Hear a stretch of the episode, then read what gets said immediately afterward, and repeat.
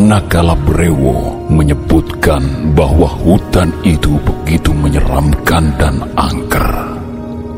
Bulu kuduk semua yang ada di dekatnya mendadak merinding, tapi tidak dengan Patal yang sudah terbiasa dengan hal-hal tak kasat mata sejak masa kecil. Hanya saja dia mengakui bahwa ada sesuatu yang menurutnya cukup janggal kala itu. Saat Codok berusaha bertanya lebih lanjut kepada Brewo, yang ditanya justru tidak melanjutkan ceritanya. Dia memilih diam seribu bahasa dengan pandangan beku. Codok menduga pengaruh kecubung masih bekerja dalam tubuh Brewo sehingga dia tidak lagi memaksakan pertanyaannya. Codok lebih memilih melanjutkan pembicaraannya dengan Patal yang juga menyimpan setumpuk pertanyaan yang sama.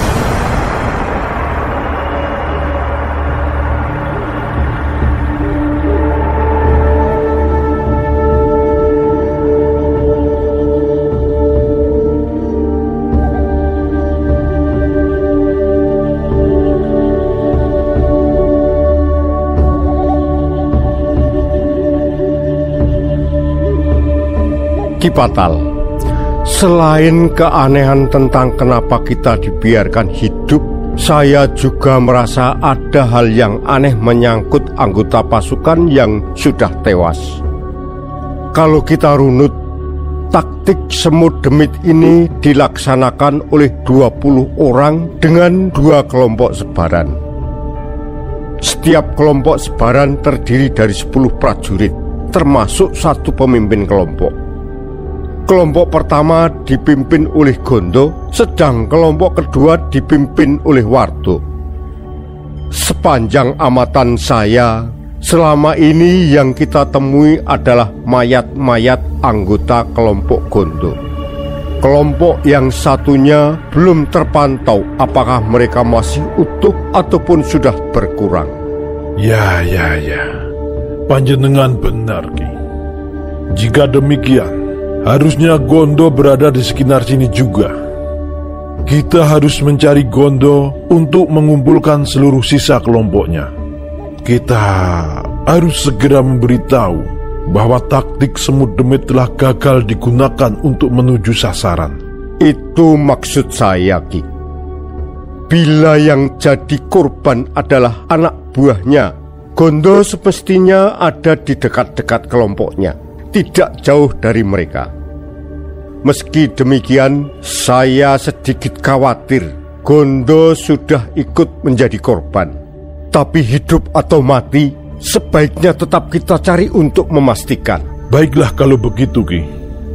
Oh ya, Rengging, Windu, kamu bertanggung jawab di sini. Tunggu Brewo sampai sepenuhnya sadar dan sembuh seperti sedia kala.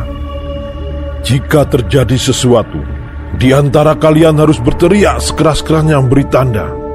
Siapa tahu kami bisa mendengar dan buru-buru datang kemari.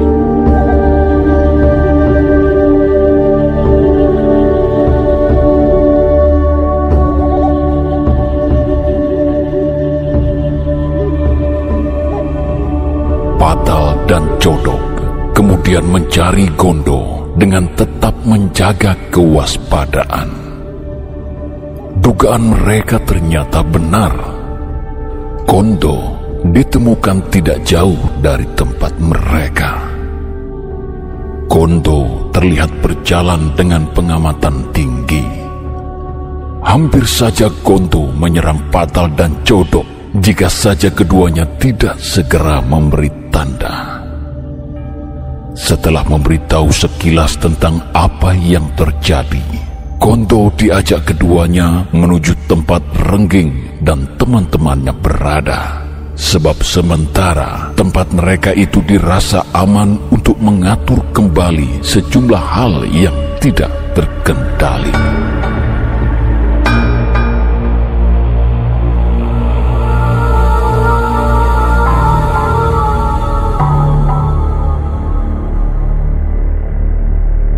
Nyun Babunten saya mengaku bersalah.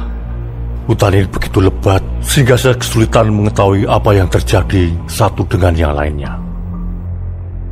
Sebenarnya saya sudah merasakan keanehan ketika mendengar suara-suara teriakan dari kejauhan. Saya pikir justru kelompok saya lah yang berhasil membunuh orang-orang Ulo Putih, lalu naik ke atas pohon.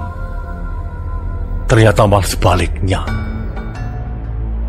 Benar pendapat panjenengan, tatik semut demit tidak bisa lagi diteruskan. Saya hanya tidak ingin jatuh korban lebih banyak lagi, apalagi anggota kelompok saya sendiri. Apa kamu sempat bertemu anggota kelompok Wardo? Kalau anggotanya belum Gusti. Tapi saya justru sudah bertemu Wardonya sendiri karena dia di posisi paling belakang kelompoknya.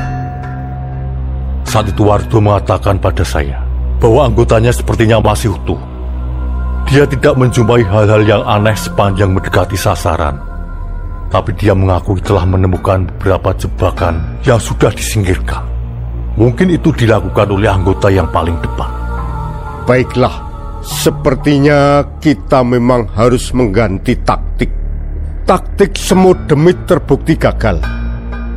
Kelompokmu sudah hampir habis Taktik ini seperti bumerang yang berbalik menghantam kita sendiri.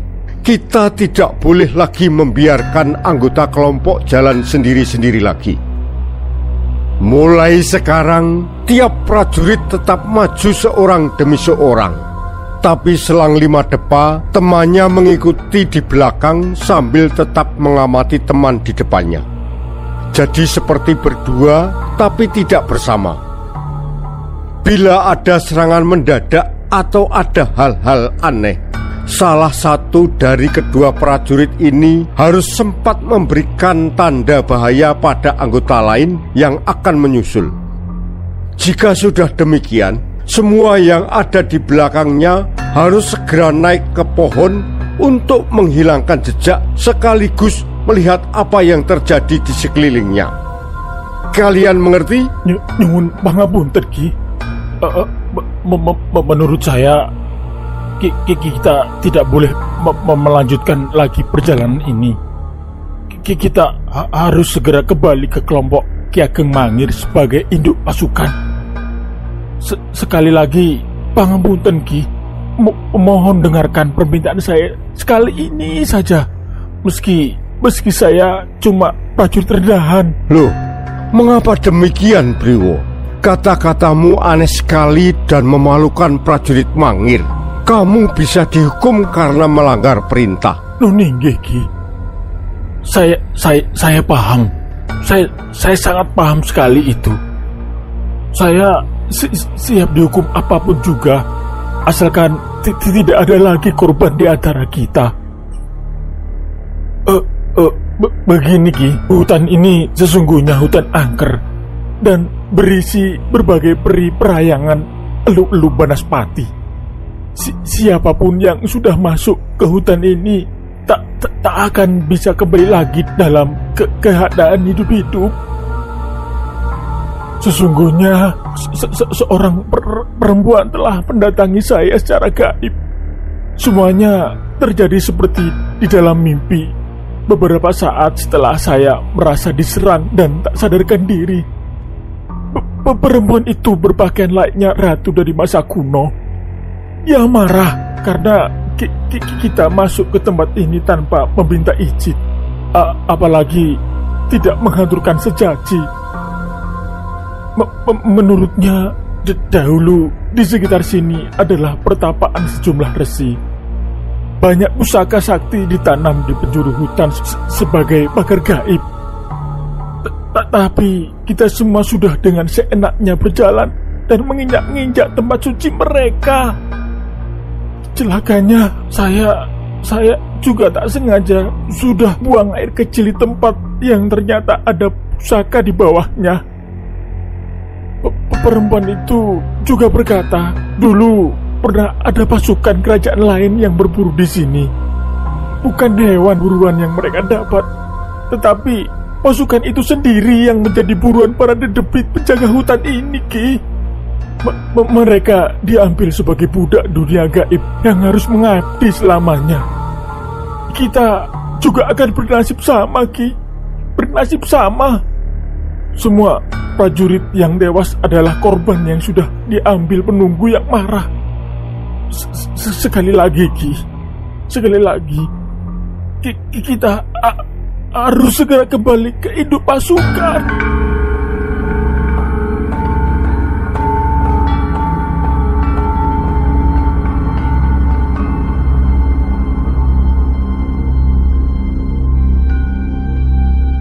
Mendadak, suasana hening mencengkeram. Apa yang dikatakan Brewo kembali membuat bulu kuduk berdiri. Di antara mereka ada yang menyetujui untuk kembali saja ke kelompok Ki Ageng Mangir.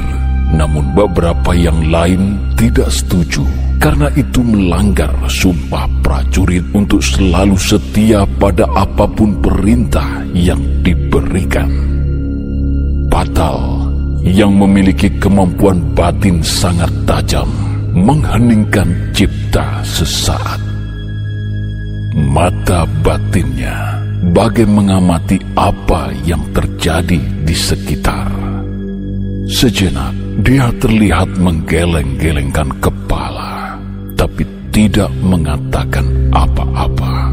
Sebaliknya jodoh lebih memilih memecah ketegangan dengan memberi saran lebih lanjut pada Brewo. Brewo, aku tahu kamu saat ini sedang takut. Gerombolan ulo putih memang hebat dan sangat menguasai hutan ini. Tapi kamu adalah prajurit mangir.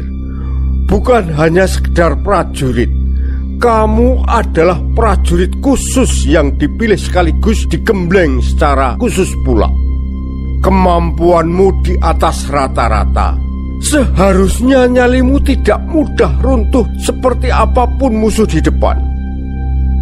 Aku tahu kamu baru sadar dari pengaruh racun yang sangat ganas dan jadi menghayal yang tidak-tidak. Aku tegaskan, Hutan ini dikuasai gerombolan perusuh, Priwo. Dan bukan gerombolan makhluk halus. Nun dan Kijodok. Mohon maaf jika saya menyela perkataan panjenengan. Mohon maaf pula jika saya justru mendukung apa yang dikatakan Priwo. Sesungguhnya saya juga mengalami apa yang dia katakan. Tadinya, saya tidak berniat menceritakan pada panjenengan semua. Begini, Ki. Tadi, saat saya sedang beristirahat, tiba-tiba saya mendengar semacam bisikan gaib. Dia memperkenalkan diri sebagai petapa yang dulu pernah berada di tempat ini. Petapa itu menyuruh kita semua membatalkan apa yang sedang kita lakukan. Sebab kalau tidak, semua akan dibinasakan oleh seluruh penghuni gaib hutan ini. Setelah mengatakan demikian, suara gaib itu lenyap hingga membuat bulu kuduk saya berdiri. Jadi, apa yang dikatakan beliau itu benar. Saat itu saya sadar, tidak terkena racun apa pun. Saya merasa sehat-sehat saja, Ki. Dari apa yang dialami Brewo, ditambah bisikan gaib yang saya terima, mungkin bisa disimpulkan bahwa kita saat ini sedang mengalami hal-hal gaib yang cukup berbahaya. Baik, semuanya saja dengarkan ini. Tidak peduli apa yang diceritakan Brewo ataupun Gondo, aku tegaskan, kita tetap tidak akan mundur. Kita terus bergerak maju menuju sasaran dengan tetap menghormati apa pun yang ada di hutan ini. Jika muncul perasaan aneh terhadap suatu sudut hutan, Cukup katakan permisi dalam hati. Kita berperilaku wajar saja. Atur nafas dengan baik agar tidak mudah panik atau takut. Jangan mudah terpengaruh kata hati yang tidak-tidak. Kita tetap bergerak dengan akal sehat dan taktik layaknya prajurit seperti biasanya. Saat ini yang masih tidak diketahui nasibnya dari kelompok Gondo adalah Gendis, Pranoto, dan Gigir kita tetap menjalankan taktik baru sambil tetap mencari mereka. Oh ya, Gondo, gendis sebenarnya tadi sudah kami temukan. Aku lupa mengatakannya padamu. Tapi ada yang aneh darinya. Dia terlihat lebih suka membisu dan menghindari pembicaraan. Tatapannya kosong dan sering terpaku melihat ke arah lain. Tentang gendis, saya cukup mengenalnya. Kebetulan dia sekaligus prajurit saya di kesatuan penjaga Gapura Mangir. Dia memang agak aneh. Gendis suka bertapa dan bisa melihat hal-hal gaib. Saya menduga selama di hutan ini, dia melihat sejumlah penunggu hutan. Karena itu, dia sering melihat terpaku ke beberapa sudut.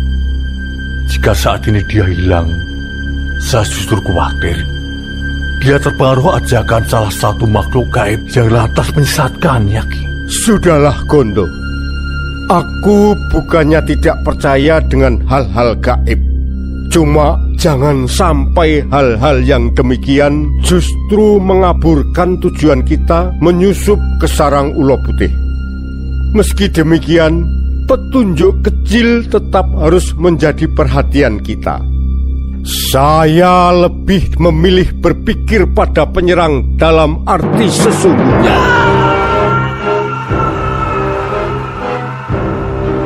Baru saja Jodok selesai berkata, terdengar teriakan di kejauhan.